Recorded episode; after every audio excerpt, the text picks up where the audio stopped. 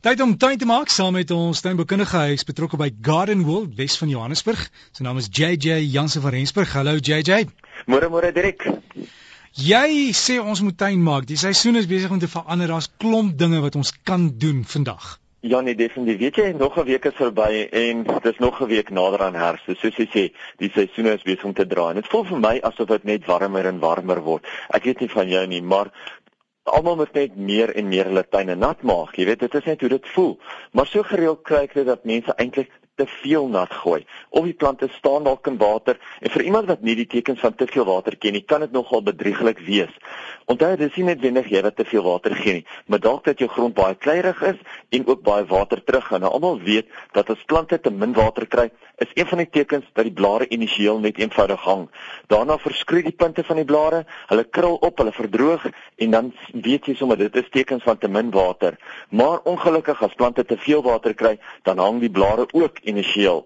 Hierdie blare val dan soms so papblare op die grond om die plant tel mense dit net op, dit verdroog glad nie op die plant nie. So as jy dit om die plant optel en dit is nog sag en dit en jy voel hom, jy kan sien dat hy 'n bleker kleur is maar hy het nie vers, verdroog aan die plant nie, dan weet jy dat dit eintlik te veel water is dat jou plant in water staan. En baie keer is dit nou net dat as 'n as 'n pot in 'n uh ter, in die goeie dreinering het nie en jy gooi hom nat, dan staan al daai water binne in daai pot en dan hang daai blare en dan val dit af. Dan weet jy dit is nou te veel water. As jy vermoed dat jou grond kleierig is, maar jy is nie seker nie, kan 'n mens maklik die grond effens nat maak en die, dit eenvoudig net in jou hand vasdruk. Dit word die worsmetode gedoen, genoem. Nou as hy sogenaamde wors aan een bly en dit nie uitmekaar uitval nie, dan is daar 'n redelike hoeveelheid klei in. As die vorm presies so bly, dan weet jy daar's baie klei in hom. Maar as hy wel uitmekaar uitval, is daar minder klei in jou grond, dan jy dan het jou grond eintlik 'n goeie struktuur. As jou grond baie kleierig is, jy wil ook die klei afbreek, moet jy riviersand en kompos inwerk en jy kan ook natuurlik 'n bietjie landboukalk oor die area strooi wat help om die klei af te breek. Baie keer hoor jy van mense wat sukkel met sekere beddings in hulle tuine wat net niks in wil groei nie. Nou ja, daar kan baie faktore hiervoor wees en iets waaraan ek wil raad is verskillende bome en struike wat nou maar net nie maklik onder hulle latyn maak nie. Enigiemand wat al 'n ou bottelborsel, 'n bloekom, 'n kersboom of dalk 'n konifer in hulle tuin het, sal weet waarvan ek praat. En hierdie is goeie voorbeelde van van plante waaronder daar moeilik tuin gemaak word. Baie kere is dit net 'n digte wortelstelsel wat oor wat die probleem is en ander kere is dit die digte massa blare wat eenvoudig net op op die grond oor die oor die plante en oor die grond val wat die grond net oor 'n lang tydperk vergiftig.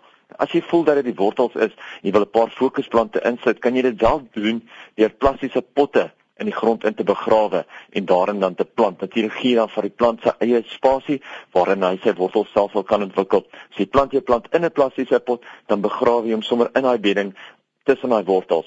As dit die geval is van st fyn sterk wortels of dan plant jy nou die potte, maar as dit nou nie die wortels is nie en dit is eerder die blare wat die grond vergiftig, dan moet 'n mens probeer om altyd so gas moontlik daai blare op te hark en gewoonlik wat daai blare doen, as dit val, dan maak dit eintlik die grond baie suur. Mens weet altyd onder 'n koniferenswaan is dit baie suur en daar groei regtig net jou suurliewende plante.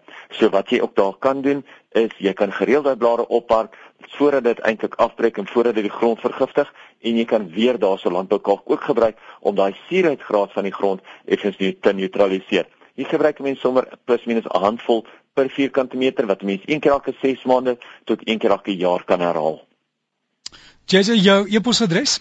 My e-posadres is jj@gardenwold met jj by gardenwold.co.za. En julle webtuiste het ook inligting op, né? Nee? Ons webtuiste het ook inligting, hy is www.gardenworld.co.za.